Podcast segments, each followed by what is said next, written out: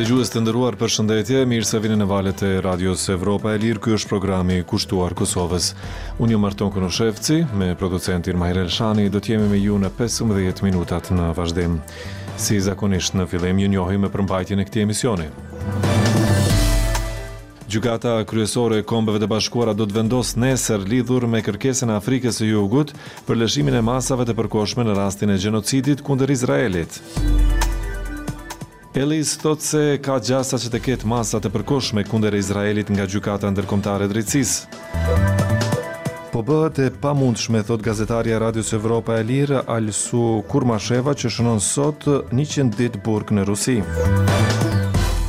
Në Kosovë nuk ka asnjë rast me virusin e fruthit. Që t'i dëgjoni të zgjeruara këto materiale dhe të tjera, ju ftojmë të qëndroni me ne në vazhdim. Radio Evropa e Lirë, burimi juaj i informimit. Gjykata Kryesore e Kombeve të Bashkuara do të vendosë nesër lidhur me kërkesën e Afrikës së Jugut për lëshimin e masave të përkohshme në rastin e gjenocidit kundër Izraelit, përfshirë edhe kërkesën që Izraeli të ndalë ofenzivën e saj në Gazë. Lufta në Gazë u nxit pasi Hamasi, grupi palestinez i shpallur organizatë terroriste nga Shtetet e Bashkuara dhe Bashkimi Evropian, kreu sulme në jug të Izraelit duke vrarë një mijë e dyqind persona. Izraeli u kundërpërgjigj ashpër duke vënë mijëra persona në enklavë e duke rrafshuar pjesë të mëdha të Gazës.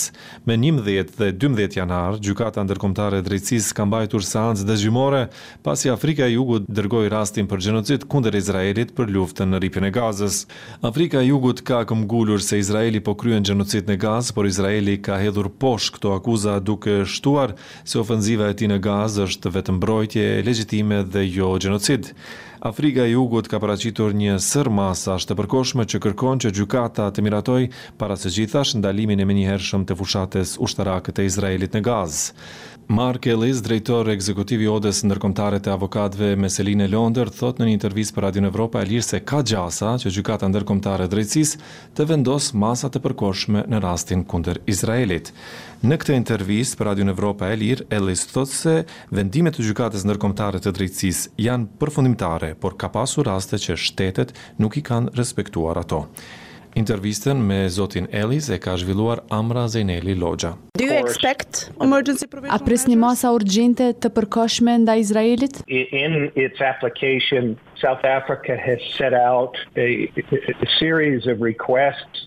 Në aplikimin e saj, Afrika e Jugut ka paraqitur një sërë kërkesash për të vendosur masa të përkohshme kundër Izraelit dhe ne e dimë se gjykata e ka bërë një gjë të tillë në të kaluarën, rasti i fundit ishte në lidhje me luftën e Rusisë kundër Ukrainës, prandaj mendoj se ka gjasa që të vendoset për disa masa të përkohshme. Se çfarë do të jenë ato, ne duhet të presim, sepse Afrika e Jugut ka paraqitur një listë të gjatë të kërkesave për masat e përkohshme dhe do të jetë në dorën e gjykatës që të vendosë se cilat prej tyre do t'i mbështesë.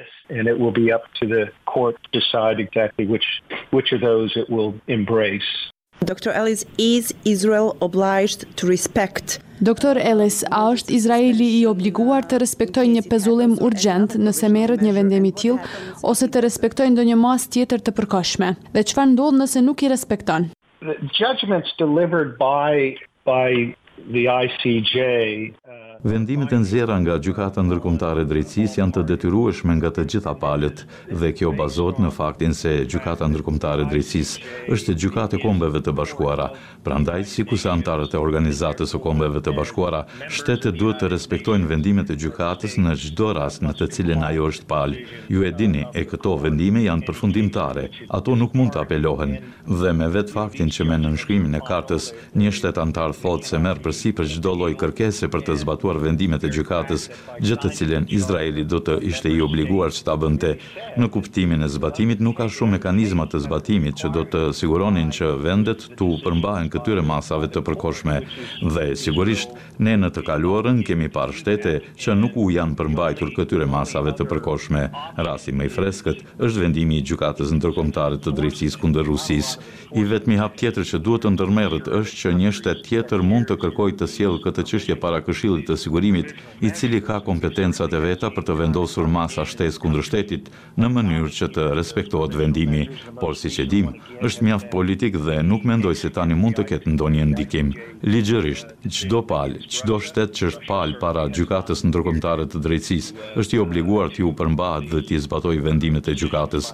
Por ne e dimë se politikisht kjo nuk ndodh gjithmonë, por ligjërisht ata janë të detyruar ta bëjnë këtë. We know politically that does not always happen, but legally they are obligated to do so. As far as I read, the case then can be taken to the Security Council, as you mentioned also. Siç e përmendët, ky rast mund të dërgohet në Këshillin e Sigurimit, por në këtë institucion është edhe fuqia e vetos. That's correct. I don't think, that's why I mentioned, the the potential of moving it to a security council if in fact. E saktë. Prandaj kjo është arsyeja që e përmenda mundësinë e transferimit të tij në Këshillin e Sigurimit, nëse në fakt ka dështim të përmbushjes së detyrimeve që i takojnë një shteti pas një vendimi të Gjykatës Ndërkombëtare të Drejtësisë, por në realitet kjo nuk do të ketë fare ndikim në këtë rast, për shkak të asaj që sapo e përmenda, do të kishte një veto, ka të drejtë vetoje.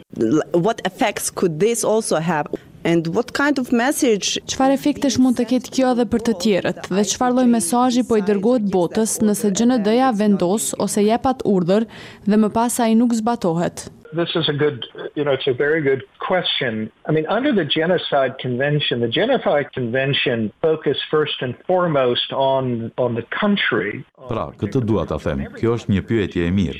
E dini, Konventa e Gjenocidit fokusohet para së gjithash në një vend specifik, dhe në çdo vend që do të zbatojë mekanizmat e Konventës, jo vetëm për t'u siguruar që gjenocidi të mos ndodhë, por edhe për të parandaluar gjenocidin dhe për të ndalur çdo hap gjenocidial që ndërmerret. Kjo para së gjithash është përgjegjësia e çdo vendi brenda juridiksionit të tij të brendshëm, brenda kufijve të tij, por në përgjithësi, ka një ndikim shumë të rëndësishëm në vendet e tjera, për shkak të pozicionit të rëndësishëm që luan Gjykata Ndërkombëtare e Drejtësisë brenda Organizatës së Kombeve të Bashkuara, për t'u siguruar që vendimet e Gjykatës Ndërkombëtare të Drejtësisë të respektohen dhe unë nuk po sugjeroj se kjo është e suksesshme gjithmonë, por një vendim i Gjykatës Ndërkombëtare të Drejtësisë për masat e përkohshme, Mendoj se do të shtonte presionin ndaj shtetit që është palë, të cilit i është kërkuar që të pranojë masat e përkohshme. Intervistën e plotë mund ta gjeni në faqen tonë në internet evropaelirë pikë org. evropaelirë pikë org. Gazetarja e Radios Evropa e Lirë, Alsu Kurmasheva sot shënon njëqind ditë në burg në Rusi. Ligjet ruse parashohin ndëshkim maksimal prej pesë vjetësh burgim për ata që shpallën fajtor mbi akuzën për mosregjistrim si agjent të huaj. Kurmasheva dhe Radio Evropa e Lirë i mohojnë akuzat dhe thonë se Moska po e ndëshkon atë për punën e saj si gazetare. Shkëlqim Hysenaj na sjell hollësi të tjera. Alsu Kurmasheva pranon letra në burg nga familjarë, miq, kolegë dhe të huaj, por nganjëherë kalojnë javë para se ato t'i shkojnë asaj në qelinë ku ajo po mbahet në paraburgim, në qytetin rus të Kazanit. Më trembëdhjetë janar gazetarja e Radios Evropa e Lirë shkroi se ka pranuar një pako të madhe letrash, pas një pritje të gjatë në periudhën e pushimeve dimërore. Ishte shumë e vështirë për mua pa to, shkroi ajo. Të jem e sinqertë, Gjendja po bëhet e padurueshme. Me njëzet e pesë janar bëhen njëqind ditë që kur Kurmasheva u arrestua në tetor dhe ajo ndodhet në paraburgim që atëherë. Qoftë edhe një ditë prapa grilave padrejtësisht është tragjedi, ka thënë ushtruesi i detyrës së presidentit të Radios Evropa e Lirë, Stephen Capus.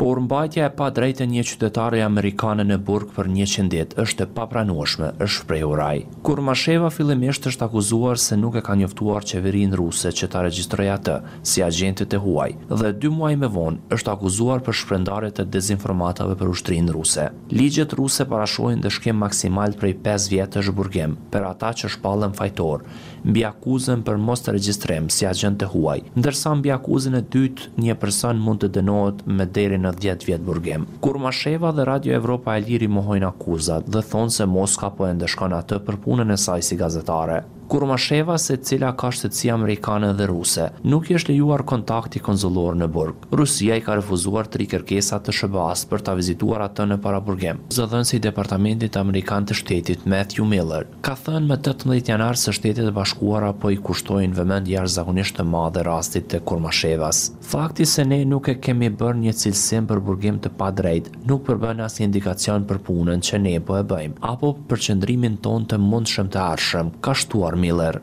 Ne po mbledhim vazhdimisht informata në këto raste, po shqyrtojmë faktet, ligjet, që të shkojmë drejt një vendimi të drejtë, është shprehur ai. Radio Evropa e Lirë, lajme që mund t'u besoni.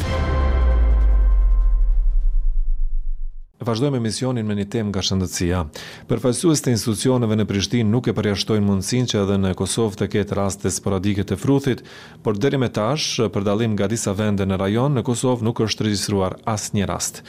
Në Institutin Kombëtar të Shëndetësisë Publike thonë se nuk pritet të ketë ndonjë shpërthim për shkak se shkalla e vaksinimit të fëmijëve kundër fruthit në Kosovë është e lartë. E dëgjojmë raportin në vazhdim. Në Kosovë aktualisht nuk ka asnjë rast të fruthit, edhe pse numri i rasteve në vendet e tjera në Evropë ka qenë në rritje sipas Organizatës Botërore të Shëndetësisë. Nga Instituti Kombëtar i Shëndetësisë Publike në Kosovë thonë se nuk pritet të ketë ndonjë shpërthim të sëmundjes, pasi shkalla e vaksinimit të fëmijëve kundër saj është e lartë. Kosova duhet të vazhdojë ta zbatojë suksesshëm programin e zgjeruar të imunizimit, duke i vaksinuar fëmijët sipas kalendarit të rregullt të vaksinimit, sikurse deri më tani, kanë thënë nga Instituti Kombëtar i Shëndetësisë Publike në Prishtinë. Fruthi është një infeksion i shkaktuar nga një virus dhe sipas Organizatës Botërore të Shëndetësisë është një prej sëmundjeve më ngjitëse. Ai shfaqet me skuqje në lëkurë, fillimisht me njolla në fytyrë dhe pas veshëve, që më pas përhapet në gjoks, shpinë dhe në fund të këmbëve. Simptomat e tjera që shkaktojnë fruthin, përfshijnë temperaturën, kollë të thatë, rrjedhje nga hundët, dhimbje e fytit e të tjera. Nga Qendra Klinike Universitare e Kosovës kanë konfirmuar për Radion Evropa e Lirë se nuk kanë asnjë rast të evidentuar me fruth. Drejtori i Klinikës Infektive në Qendrën Klinike Universitare të Kosovës, Arben Vishaj, thotë për Radion Evropa e Lirë se Raste të tilla në këtë institucion nuk kanë pasur që tre vjet. Megjithatë, disa institucione përmendin se vitin e kaluar është regjistruar një rast i importuar, i cili është izoluar menjëherë. Masa më e mirë për parandalimin e fruthit është vaksinimi, thotë drejtori i Klinikës së Infektivës, Arben Vishaj.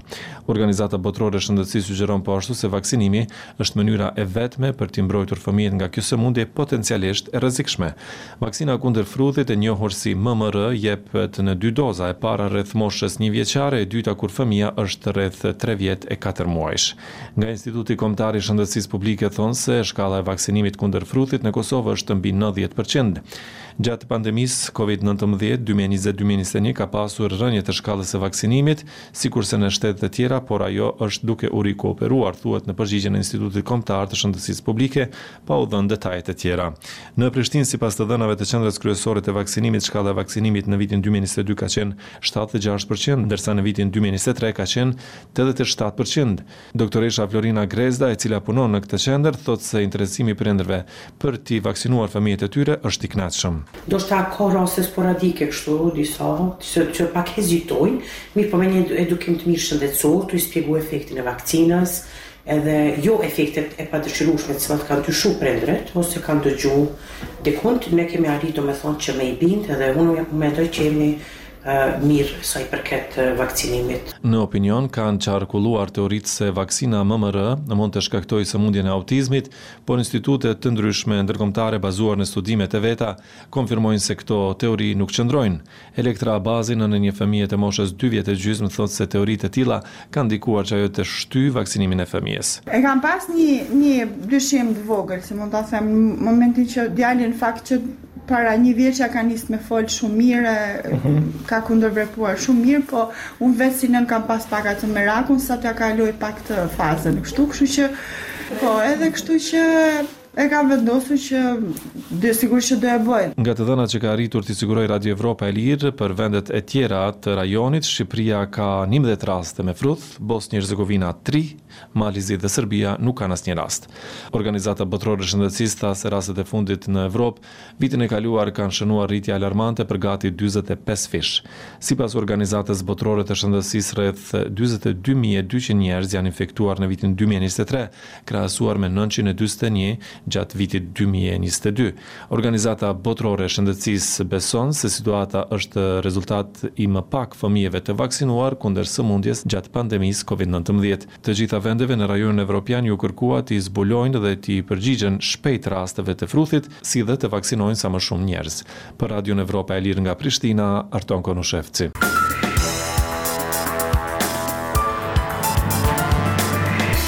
Dëgjues të nderuar, ishin këto të gjitha materialet e përgatitura për këtë emision. Për informacione të tjera, të reja nga Kosova, rajoni dhe bota, vizitoni faqen tonë në internet evropaelire.org. Mirudëgjofshim.